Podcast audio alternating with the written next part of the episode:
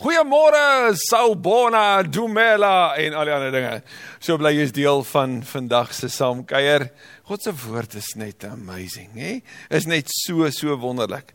So dankbaar vir almal wat deel is en so deel bly.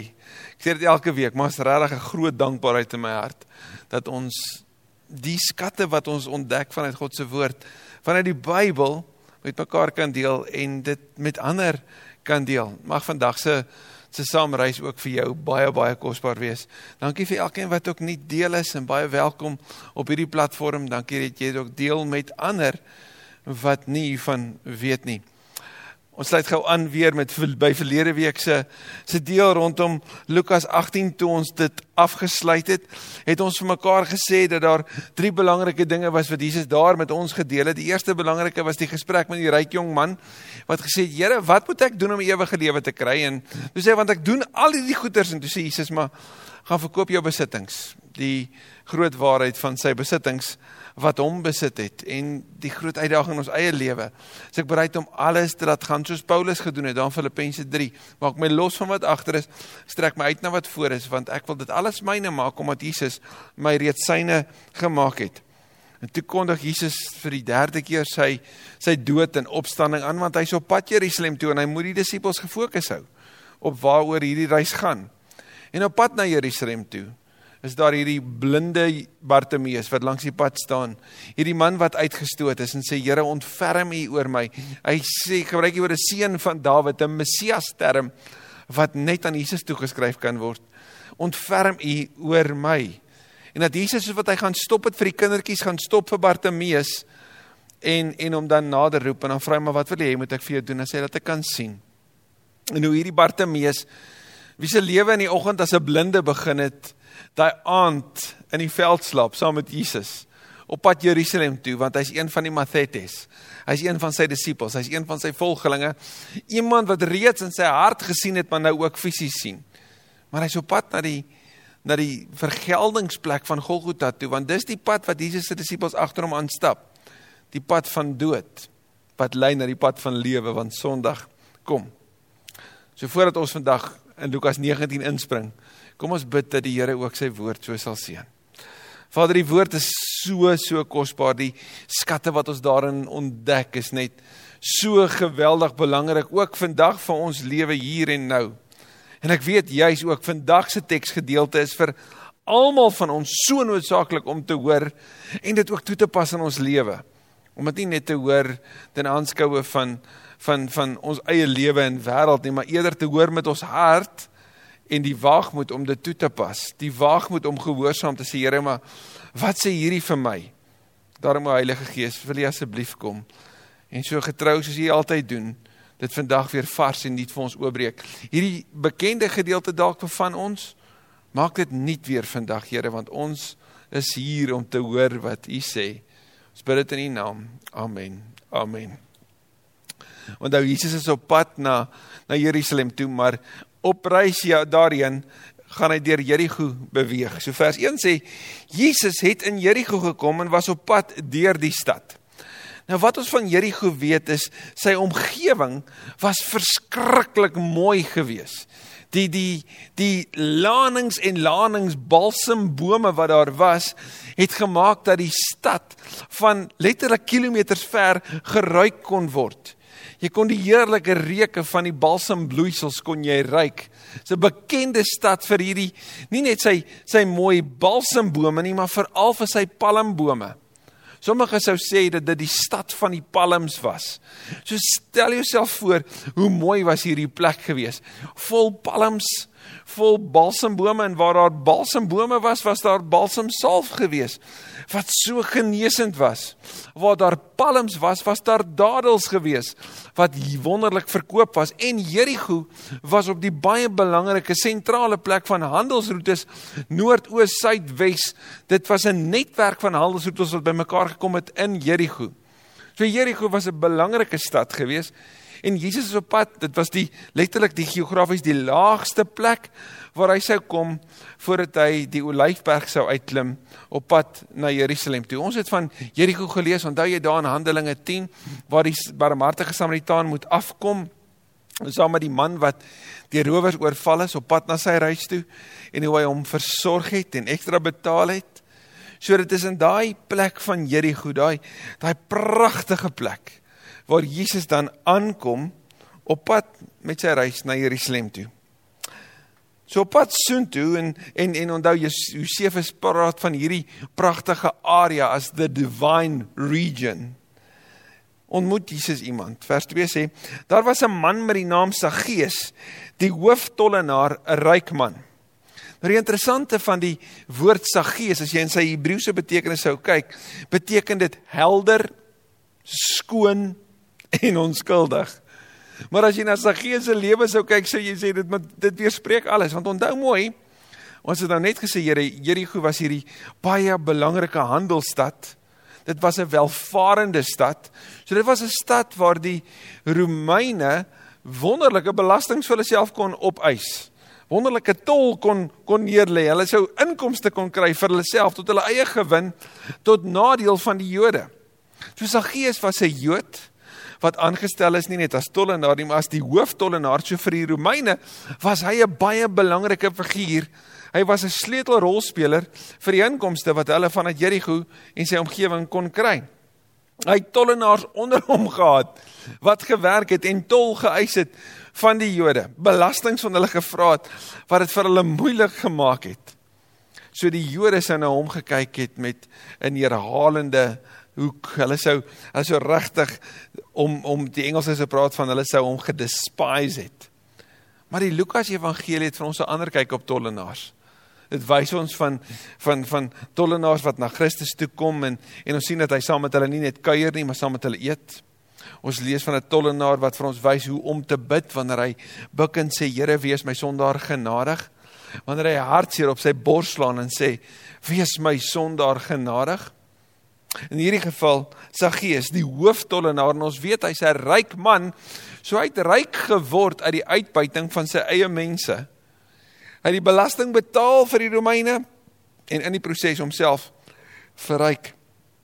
Hy het geprobeer om Jesus te sien, maar weens die skare kon hy nie omdat hy kort was. Nou as ons dit bind met die die voorafgaande, eerstens soos 'n Bartimeus wou hy Christus sien, maar sy gees kon fisies sien, maar dan lees ons dat hy kort was. So hulle het nie net neergekyk op hom nie, hulle het letterlik neergekyk op hom vanweë sy fisiese statuur maar hulle het ook neergekyk op hom vanweë sy verlies aan status volgens die Joodse kulturele wette. Hy was nie so rein soos die ander nie. So hulle het hom regtig verneder. So wat maak hierdie klein mannetjie wat so graag vir Christus wil sien? Vers 4 sê hy hardloop toe vooruit en klim in 'n wilde vyeboom om Jesus te kan sien want hy sou daar verbygaan. So hy maak 'n plan. Nou wie klim in bome in vandag? volwassenes. Ja, miskien as hulle diere wil gaan uithaal of dalk 'n kind wat te hoog ingeklim het wou gaan red. Maar kinders klim in bome. En Jesus het vir ons gesê dat as jy die koninkryk wat ontvang, moet jy soos 'n kind word. Soos 'n gees wys amper iets vir ons hier van die kinderlike opgewondenheid in sy hart om hierdie Jesus te kan sien. En toe Jesus by die plek kom, daar was 'n gees in die boom gesit en en wegkruip het. Kyk hy op en hy sê vir hom: "Saggeus, kom gou af want ek moet vandag by jou tuis gaan. Hoor mooi. Jesus is op pad na Jerusalem toe. Dis die belangrike bestemming, die belangrikste bestemming van sy reis. Dit bly sy fokus. Maar intussen sien ons dat hy op reis stop. Hy stop vir kindertjies, hy stop vir Bartimeus die blinde en nou stop hy vir Saggeus die tollenaar. En hy kyk op na hom en dan hoor net mooi, Jesus sê klim gou af. Kom af, Saggeus, want ek moet by jou tuis gaan. Daar's 'n simboliese diepte wat bietjie agter dit lê. En dit is dat ek en jy moet afkom van ons troontjies af, sodat Christus in ons lewe kan posvat. Jy weet ons wat daar staan in in Openbaring 3 vers 20. Ek staan by die deur van jou lewe en ek klop en as jy oopmaak, sal ek inkom en ons gaan 'n feesmaal hou. Daar gaan blydskap wees. Maar ek en jy moet afkom afkom van hierdie belangrike plekke wat ons dikwels vir onsself toeëien. Hierdie valse status wat ons dink ons ons het. sodat Christus kan tuiskom want hoekom? Jesus is tussen hulle wat nederig is, wat afhanklik van God is, wat neerbuig in die houding van hipotasso het, ondergeskiktheid, die slaaf. Dis waar Christus ons ontmoet en dis waar hy Saggeus sal ontmoet. Wanneer hy weg van hierdie hierdie rykdom en besit en mag Christus kan ontmoet wanneer hy afklim. Jesus sê ek moet by jou tuis gaan. So ons hoor iets daarvan dat daar 'n dringendheid in Christus se hart is om ook sy gees te, te ontmoet, maar om by hom tuis te gaan. Dan word sy gees is 'n belangrike stopplek vir Christus op sy reis na Jerusalem toe. Hy het toe gou afgeklim en Jesus met blydskap ontvang. Daar's nie 'n ander manier om Christus te ontvang as met blydskap nie. Want as jy besef wat hy vir jou gedoen het, as jy besef hoe hy jou vrymaak, hoe hy jou skoon was, hoe hy jou vul met sy liefdevolle teenwoordigheid, is blydskap 'n gegewe. Saggeus het hom met blydskap ontvang, baie soos daai daai daai feestoneel van Lukas 15 vir die verlore seun wanneer hy tuis kom en daar fees gevier word. Almal wat dit gesien het, het beswaar gemaak en gesê hy gaan by 'n sondige mens tuis. So dis asof Lukas vir ons die toneel skuif vanaf die wilde vyeboom na Saggeus se huis toe. Want as Saggeus vir Jesus met blydskap ontvang het, dan het hy hom ook ingenooi na hom toe. En nou kom die godsdienstpolisie en sê maar maar Jesus Hoe kan hy tuis gaan? Hy is mos nou die die verwagte Messias. Dis wat wat ons sien. Ons sien dit in die wonderwerke. Ons ons hoor hy is op pad Jerusalem toe en ons weet dat die Messias Jerusalem toe gaan. Al die beloftes wys daarop. Die profete het vertel daarvan. So ons het hierdie verwagting. Hoekom stop u vir kindertjies? Hoekom stop u vir 'n blinde? En hoekom stop u nou by hierdie sondige man? By hierdie hooftollenaar, by hierdie man wat ons soveel skade aangedoen het? Nou gaan jy by hom tuis. Jy gaan woon by hom. Die woord sondige in die Grieks is hamartano en dit beteken om jou doel te mis. Iemand wat net nie slaag nie, iemand wat afwyk. Hoekom sal Jesus by by iemand wou gaan kuier en gaan tuis wees? Hoekom sal hy homself identifiseer met 'n sondige? Maar dis wat hy doen, hè? Want hy het ons sonde op hom geneem. En dan in vers 18 ons vir die eerste keer praat sy gees. En dis die enigste keer in die ganse Nuwe Testament wat ons sy stem hoor. En hoor wat hy sê, sy gees het opgestaan en hierdie woord opstaan kan wees vanaf sy plek waar hy gesit het of dit kan wees hy het nader gekom en hy teenspraak gelewer teenoor dit wat sopas vir hom gesê is. Wat is die woorde wat ons van Saggeus hoor, die man wat gaan wegkruip het in 'n vrye boom om Christus op 'n afstand te sien, is nou die een in die publiek wat homself verwoord. Wat is die woorde van iemand wat Christus so pas ontvang het in sy lewe? Jy sou dit anders kon sê, wat is die woorde van 'n nuwe bekeerling? Iemand wat so pas sy verhouding met die Here reg gemaak het, wat so pas 'n verhouding met die Here gekry het dan klink dit so, hy het vir die Here gesê, daar's hy woord kurie wat wys op Christus en sy status en sy eer. Hy sê Here, ek gaan die helfte van my goed vir die armes gee. En waar ek iets van iemand afgepers het, gee ek dit 4 dubbel terug. Saggeus sê van my ganse rykdom is ek onmiddellik bereid om die helfte daarvan weg te gee. En waar ek iemand te nagekom het, gaan ek dit regmaak. Onthou jy in die vorige gedeelte die ryk jong man gehoor verkoop jou goed en gee dit vir die armes en hy kon nie. En hier is dit nie 'n adelike ryk jong man nie, maar 'n 'n tollenaar, die hoof van die tollenaars wat wanneer hy Christus ontmoet, onmiddellik besef maar ek wil vrykom van my besittings. Ek wil reg doen aan armes. En weet dat dit sal die storie word van die kerk. Dit sal die storie word van die beweging van die gelowiges van die Jesusvolgelinge wanneer hulle in Handelinge hulle goed verkoop en vir armes innooi en hoop bring, wanneer hulle bereid is om self vir hulself in te doen sodat ander kan eet en kan beleef en die hoop kan beleef. Wanneer die lig mense uit die donker gate van hulle lewe aantrek en hulle tuis kom en om dieselfde tafel ryk en arm sit en brood breek. Dis die storie van die Jesus beweging. Dis die hoop vir die wêreld. En sy gees het 'n onmiddellike reaksie want sien hy het on, ekstreme genade beleef. Nou wil hy ekstreme goedheid aan ander gee. As jy weet wat Christus vir jou gedoen het en wat jy in hom het, dan is enigiets wat jy kan weggee glad nie 'n koste nie. Dan is dit wat jy doen uit blydskap omdat hy alles vir jou gedoen het. En wanneer Saggeus praat, praat hy oor regverdigheid teenoor ander. Dat daar waar ek ander benadeel het omdat ek onregverdig teenoor hulle opgetree het, wil ek dit gaan regmaak daar waar armes uitgebuit word deur die rykdom van die rykes en die mag van die rykes, waar 'n arm weduwee nie eens haar saak kan stel voor 'n regter totdat hy nie ergens ingee nie, daar gaan ek intree en gaan ek vir hulle weggee dit wat ek bymekaar gemaak het. Dit moet die storie van die kerk ook vandag wees. Waar daar armoede in ons gemeenskap is, hoe bring ons hoop? Waar daar onreg is, Hoe gaan staan ons in die skoene van die wat benadeel word en praat namens hulle? Verdedig hulle saak en maak reg wat verkeerd gedoen is in die verlede. Daarop sê Jesus vir hom: "Vandag het daar redding vir hierdie huis gekom. Ook hierdie man is 'n kind van Abraham. Dit was die woorde van die Jode. Dit was hulle claim to fame. En nou vir hierdie sondige Saggeus kom sê Jesus, hy's 'n kind van Abraham." Hy's 'n gelowige. En hoekom sal hy 'n kind van Abraham wees? Want Abraham was nie die vader van die godsdienstiges nie. Hy was nie die vader van hulle wat die wette nagekom het nie. Hy was die vader van hulle wat God geglo en gevolg het. Sien, redding kom nie wanneer ek 'n klomp wette nakom nie. Redding kom wanneer ek besef dis net my geloof in Christus wat my sal red. Dis net wanneer ek aanvaar dat hy God is en ek is nie en ek gaan hom volg op grond van wat hy my lei. Nie op grond van my eie plannetjies of pogings nie. Die Vader van die gelowiges. Die seun van die mens sê vers 10 het immers gekom om te soek en te red wat verlore is.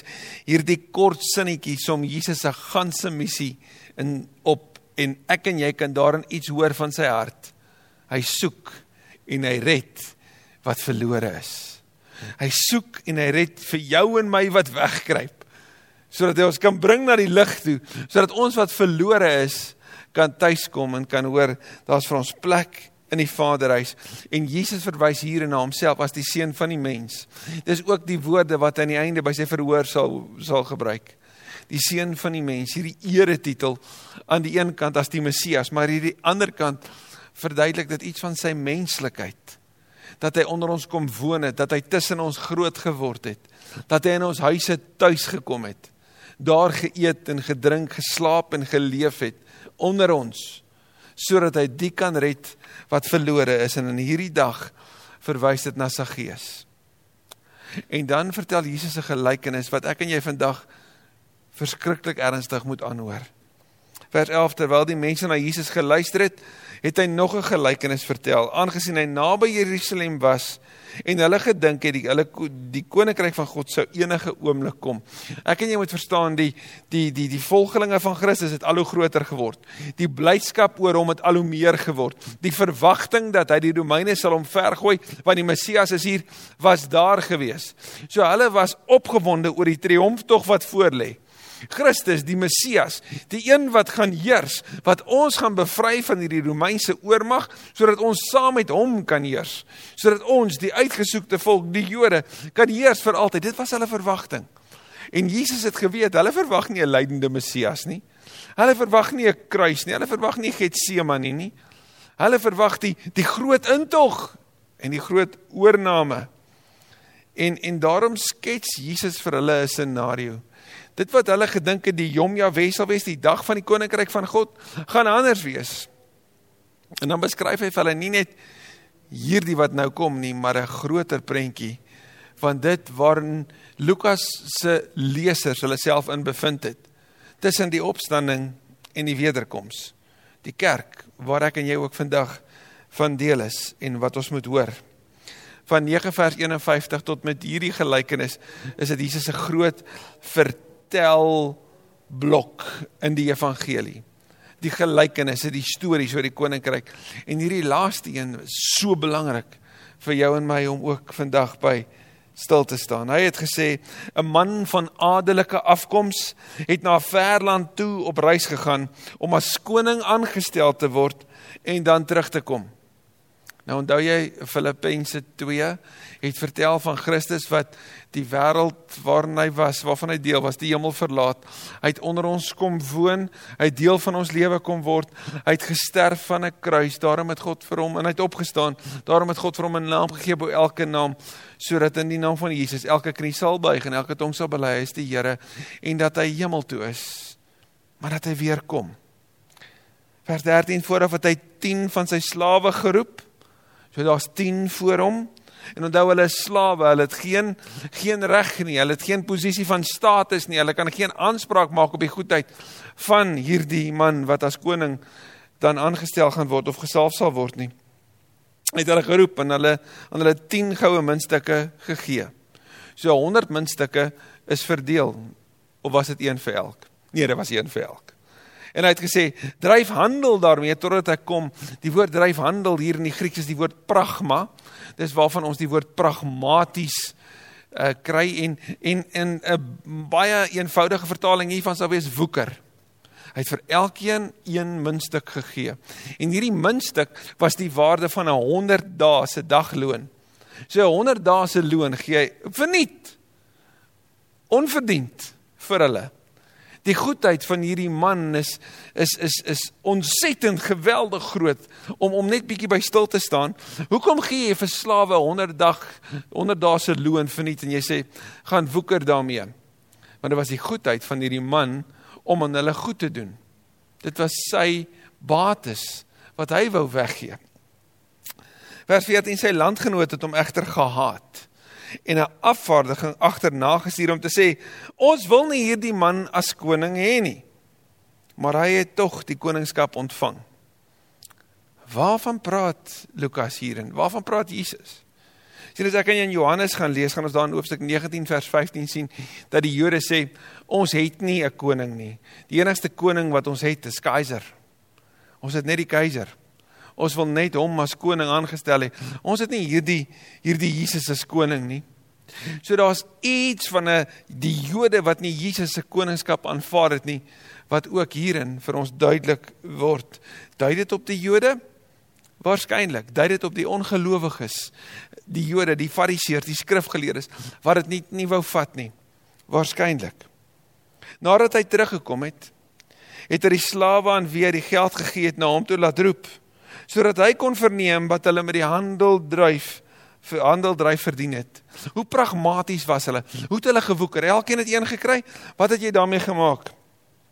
Die eerste kom toe vorentoe en sê: "Meneer, u muntstuk het 10 muntstukke opgelewer." Dit is baie interessant dat hierdie eerste slaaf nie kom sê: "Meneer, kyk wat het ek gedoen." Hy sê: "Meneer, die die potensiaal in hierdie muntstuk het gelei tot nog 10." Daar was hierdie geweldige 1000% wins wat gekom het, groei wat gekom het. Want sien die krag lê in die muntstuk. Die krag lê nie in die vermoë van die slaaf nie. Die muntstuk kan vertrou word. En natuurlik gaan ons nou-nou sien waarop hierdie kan dui, nê, dat dit kan dui op die koninkryk, dat dit kan dui op wat ek en jy doen tussen die opstanding van Christus en sy wederkoms, met ander woorde waar ons nou is en dat die krag in die evangelie lê nie in ons vermoëns nie, wat ons daarmee moet woeker. Vers 17 daarop antwoord hy: "Mooi so, jy is 'n goeie slaaf. Omdat jy in 'n saak van min belang getrou was, kry jy nou die bestuur oor 10 stede." Vanaf 'n slaaf aan hierdie aardelike, nou nie net die bestuur oor sy sake nie, maar die bestuur oor 10 stede. sien jy wat ons hierin sien? Getrouheid word beloon met meer verantwoordelikheid. Hoor jy dit? Hulle wat hulle werk goed doen, kry met ander woorde meer werk. Hulle wat verantwoordelik is en lojaal is en getrou is, kry 'n groter verantwoordelikheid om mee te werk, lojaal te wees en getrou te wees. Hulle wat dus hierdie skat wat hulle gekry het, mee woeker, kry 'n groter skat om mee te werk. Soos wat Jesus vir die ryk jong man ook gesê het van 'n slaaf na 'n bestuurder oor baie omdat ek getrou is. Toe kom die tweede slaaf en sê meneer, u muntstuk het 5 muntstukke opgelewer. 500% se groei. Aan hierdie een sê hy en jy kry die bestuur oor 5 stede. Jy kry 'n groter verantwoordelikheid vanweë jou getrouheid. Nog 'n ander het gekom en gesê meneer, hier is die muntstuk. Ek het dit in 'n doek gebeere. Nou julle, daar is 'n baie interessante perspektief hier rondom. Want sien, as hierdie slaaf getrou was aan die Joodse wette, moes hy dit gaan begrawe het en weggeberg het en dan later weer gaan opdelf het en gebring het vir die eienaar. Want sien, dis wat die die die die die agtergrond vanuit die Joodse verantwoordelikheid sou wees. Wanneer jy iets kry, dan gaan begrawe jy dit. Maar hierdie man het dit nie eens werd waardig waardig geag om om 'n gat te gaan grou en die muntstuk te bær nie. Nee, hy het sommer net in 'n doek gaan wegbêre. Hy het so min daarvoor omgegee. So min vir hierdie groot geskenk van 'n 100 dae se dagloon wat hy verniet gekry het. Dat hy dit net in 'n doek gaan bær. Hy het letterlik niks daarmee gedoen nie. Hy het nie gewoeker nie. Hy was nie pragmaties nie. En hoor wat hy dan sê. Hy sê die rede hoekom hy dit gedoen het, was die eienaar daarvan se skuld. Kyk wat sê vers 21. Ek was bang en die Griekse woord vir bang is phobos waarvan ons die woord fobie kry, vrees kry. Ek was bang vir u want u is 'n harde man. U eis op wat u nie belê het nie en die oes wat u nie gesaai het nie. So die skuld gaan lê hy by hierdie man wat so pas vir hom vreeslik goed was om vir hom hierdie muntstuk te gee. Nou hier is die interessante perspektief hierop. Sommige sou sê, is hierdie slaaf nie die whistleblower nie? Blaas hy nie die vletjie op die onregverdigheid van hierdie aardelike koning nie? Is hierdie aardelike koning dan nie soos al die ander wat die armes onderdruk nie?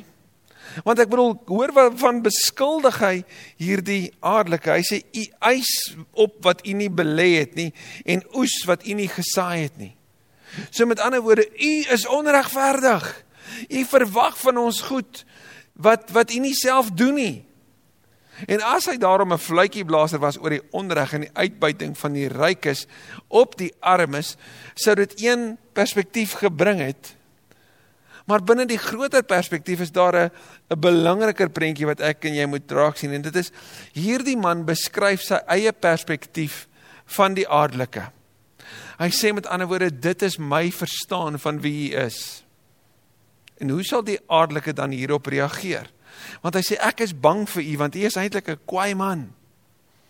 En as dit sou verwys na God, het ons 'n probleem. Want dan maak ons van God iets of iemand wat van ons iets eis wat hy nie vir ons gee nie. Wat ons in hoeke druk, wat wat tog nie hy is nie. Hy's nie die onregverdige regter nie en hy's verseker nie 'n onregverdige koning wat vir ons vra wat hy nie bereid is om eers te doen nie. Inteendeel, dis presies die teenoorgestelde nie waar nie. Toe sê die man hierdie aardelike vir hom: Met jou eie woorde sal ek jou veroordeel. Jy is 'n slegte slaaf. Hy sê kom ek gaan toets jou nou aan wat jy sopas gesê het. Kom ons kyk of dit wat jy oor my glo of jy dit wat jy oor my sê jy glo of jy dit regtig glo en of jy so leef. Dan sê hy vir hom jy's 'n slegte slaaf. Die woord sleg daar het te doen met 'n teenstander, 'n vyand. Sommige sou dit self beskryf as boos. Jy's 'n lui slaaf, jy's 'n slegte slaaf. As jy geweet het ek is 'n harde man wat opeis wat ek nie belê het nie en oes wat ek nie gesaai het nie. Met ander woorde, as ek was wat jy sê ek is, waarom het jy dan nie my geld in die bank gesit nie? Dan sou ek dit by my terugkoms darm met rente kon terugkry. So waarom het jy dan nie geleef soos wat jy sê ek is nie?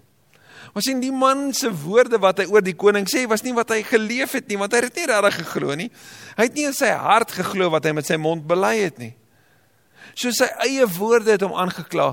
Nie dat dit wat hy oor die koning gesê het waar was nie, maar dat dit wat hy oor die koning gesê het nie neerslag gevind het in sy eie lewe nie. Ons moet so pas op oor wat ons bely oor God. Ons moet so pas op oor wat ons oor God sê. Want sien ons word aan ons eie woorde getoets. 'n Vriend van my sê altyd, jy kan sê wat jy dink, maar jy doen wat jy glo. En in hierdie geval het hierdie man niks geglo nie. Hy het nie geglo dat hierdie koning regtig sleg was nie. Hy het geglo dat hy kan terugsit en niks doen nie. En net weer teruggee en aangaan met die lewe. Daarop sê hy vir die wat daar staan, vat die muntstuk van hom af weg en gee dit vir die een wat 10 muntstukke het. So daar was 'n beloning vir die mees getroue wat gewoeker het met wat hy gekry het. Hulle sê vir hom: "Meneer, hy het dan al 10 muntstukke." Maar hy antwoord: "Ek sê vir julle, aan elkeen wat het, sal meer gegee word en van hom wat nie het nie, sal ook die bietjie wat hy het weggevat word." En onmiddellik sal jy vir jouself vra maar watse hoop bring dit vir die armes van Lukas vir wie hy skryf? Gaan hulle dan sê sien jy daar hoor ons dit weer. Selfs vanuit die vanuit hierdie verhaal van Jesus word die armes al hoe meer onderdruk. Die bietjie wat hulle nie het nie word weggevat en die rykes word ryker. Is dit waarop dit dui hier? Nee. Dit dui op die gelowiges wat almal dieselfde boodskap van die evangelie ontvang het en die vraag is wat het hulle daarmee gedoen? Want hulle wat nie woeker met hierdie goeie nuus wat hulle gekry het nie. Hulle wat nie dit woeker daarmee nie, gaan dit verloor. Maar hulle wat daarmee woeker, hulle gaan groter geleenthede kry. Hulle gaan meer kan doen. Daar's 'n gemeente in Los Angeles. Jy gaan Google LA Dream Center. Gaan jy by 'n gemeente aankom wat daarin op die op die Los Angeles ehm um, weet hills is en, en dit kyk nogal uit op die Hollywood Hills. Maar die die gemeente het die wagmoedige sprong gemaak om hulle deure oop te maak vir die armes. Hulle groot leier het of ek sê groot want in sy diensbaarheid inspireer met my net so baie. Het het een nag wakker geword en toe sê die Here vir hom wil jy nie na Echo Park toe gaan nie of gaan Echo Park toe? En Echo Park was 'n baie dodgy plek in Los Angeles en toe hy daar stop in die middel van die nag, toe sien hy 'n straatvrou en haar kind verbystap. Hy sien dwelmhandelaars verbystap en hy sien die naglewe wat baie gevaarlik was aan die gang. En die Here sê vir hom: As jy na hierdie mense een vir een kyk, sal ek die mense na jou gemeente toe stuur waaroor ander gemeentes droom. En toe begin hy die volgende dag deur sy lesenaar te vat in Los Angeles, reën dit bitter min. Hy vat toe sy lesenaar die volgende dag en hy gaan sit dit daar op die sypaadjie waar die enkel mammas verbystap op pad skool toe. En hy begin verhoudings bou en in hulle gemeente begin hulle met 'n bediening genaamd Adopt a Block waar die gemeentelede die blok aanneem en die mense aanneem en hulle versorg en vir hulle lief is. En hulle koop later 'n hospitaal wat hulle toe as gemeente gebruik het binne hulle hulle uitreikstrategie. Hulle uitreikstrategie was om by die straatmense uit te kom, by die dwelmverslaafdes uit te kom. En ek en my vrou het die voorreg gehad om na 'n klomp van hierdie bedienings te kon gaan en van te kon deel wees. Julle daar's oor die 290 bedieninge wat om die klok gebeur vanuit daai gemeente. As 5000 vrywilligers wat hulle tyd gee vir 'n paar dae per jaar om daar te wees. Daar is 'n 100 mense wat deel is van op 'n voltydse basis van die gemeente wat daar gaan bly wat 'n jaar van hulle lewe gee en bedien. So hulle kom na jou toe en sê, "Wil jy van die straat af kom? Ons het vir jou blyplek. Ons het vir jou kos. Ons het vir jou klere." En ons het 'n disippelskapsproses waarmee ons met jou op pad wil stap. En na 6 weke gaan ons vir jou vra, "Wil jy 'n werkie ons wil graag vir jou soek?" Of wil jy deel wees van die volgende disippelskapsfase want ons gaan daar ook jou hulp nodig hê. En in hulle gemeente wanneer hulle bymekaar kom, sit van die rykste Hollywood akteurs en aktrises langs 'n boemelaar en die kerk leef. En die waarheid wat die Here daai aand gesê het in Echo Park gebeur die heeltyd want hulle is 'n gemeente wat vandat hulle die die hospitaal gekoop het wat aan dwelmhandelaars behoort het het selfs die waarde van die eiendom om die gemeente gestyg. Het dit 'n veilige plek geword. Het dit 'n plek van genesing geword. Omdat hulle gewaag het om te woeker met wat hulle gekry het omdat hulle gewaag het om te doen wat ander nie bereid was om te doen nie. Moenie skuldig voel as die Here jou bediening seën omdat jy bereid is om te doen wat ander nie doen nie. En moenie jaloers wees as jy verloor omdat jy niks doen met wat jy gekry het nie. Want sien intussen tussen die die die opstanding van Christus en die wederkoms in hierdie fase moet ons woeker met wat ons gekry het en die krag lê nie in wat ons doen nie. Die krag lê in die evangelie. Die evangelie is genoeg. Hoor die waarskuwing van die Here in vers 27. En daardie vyande van my wat nie wou hê dat ek hulle koning moes wees nie. En hierdie is die Jode wat nie geglo het nie. Bring hulle en maak hulle hier voor my dood. Sien Christus sê nie net dat ons moet woeker met wat ons het nie, want anders gaan dit wat jy het van jou weggevat word nie. Christus sê ook as jy nie in my glo nie, dan is die ewige verdoemenis gegewe. Want dis die waarskuwing hieruit. Want hierdie koning met sy goeie hart wat weggee, wat daar is vir sy mense, word nie deur sy mense noodwendig aanvaar nie. En dan is daar 'n einde vir hulle. Want dis wat 'n koning doen. En daai ernstige waarskuwing moet ons hoor wanneer die Here met ons praat. Hoor wat sê T.W. Manson. Hy sê we may be horrified by the fierceness of the conclusion, but beneath the grim imagery is an equal grim fact. The fact that the coming of Jesus to the world puts every man to the test, compels every man to a decision. And that decision is no light matter. It is a matter of life and death.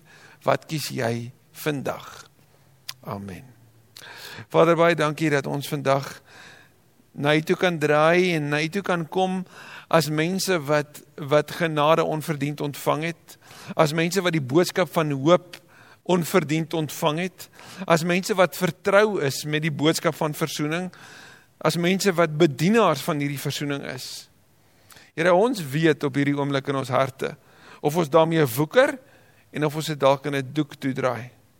Ons weet of ons dit gebruik in ons gemeenskappe, in ons werkplekke, in ons gemeentes en of ons dit dalk in 'n doek toedraai en so half net sit en wag vir U om te kom.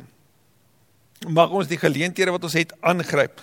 Mag ons soos Kolossense 4 vers 5 sê die tyd uitkoop, die beste gebruik maak van elke geleentheid, ook van hierdie dag om te woeker met die goeie nuus, om dit te deel en te sien hoe U dit vermenigvuldig selfs 1000voudig. Ek bid so vir elke gelowige wat die waagmoed het om te doen wat ander nie bereid is om te doen nie. Mag jy die werk van hulle hande seën en mag die koninkryk kom tot u eer en totdat hy kom. Ons wag op u Jesus, ons Here. Amen. Amen. Ek hoop jy het 'n wonderlike week. Onthou, ons stuur graag vir die nota as jy dit wil hê, stuur dit net dit e-pos na csmith@ksm.co.za en as jy gebed nodig het, gebed@ksm.co.za. Ons bid graag saam met jou.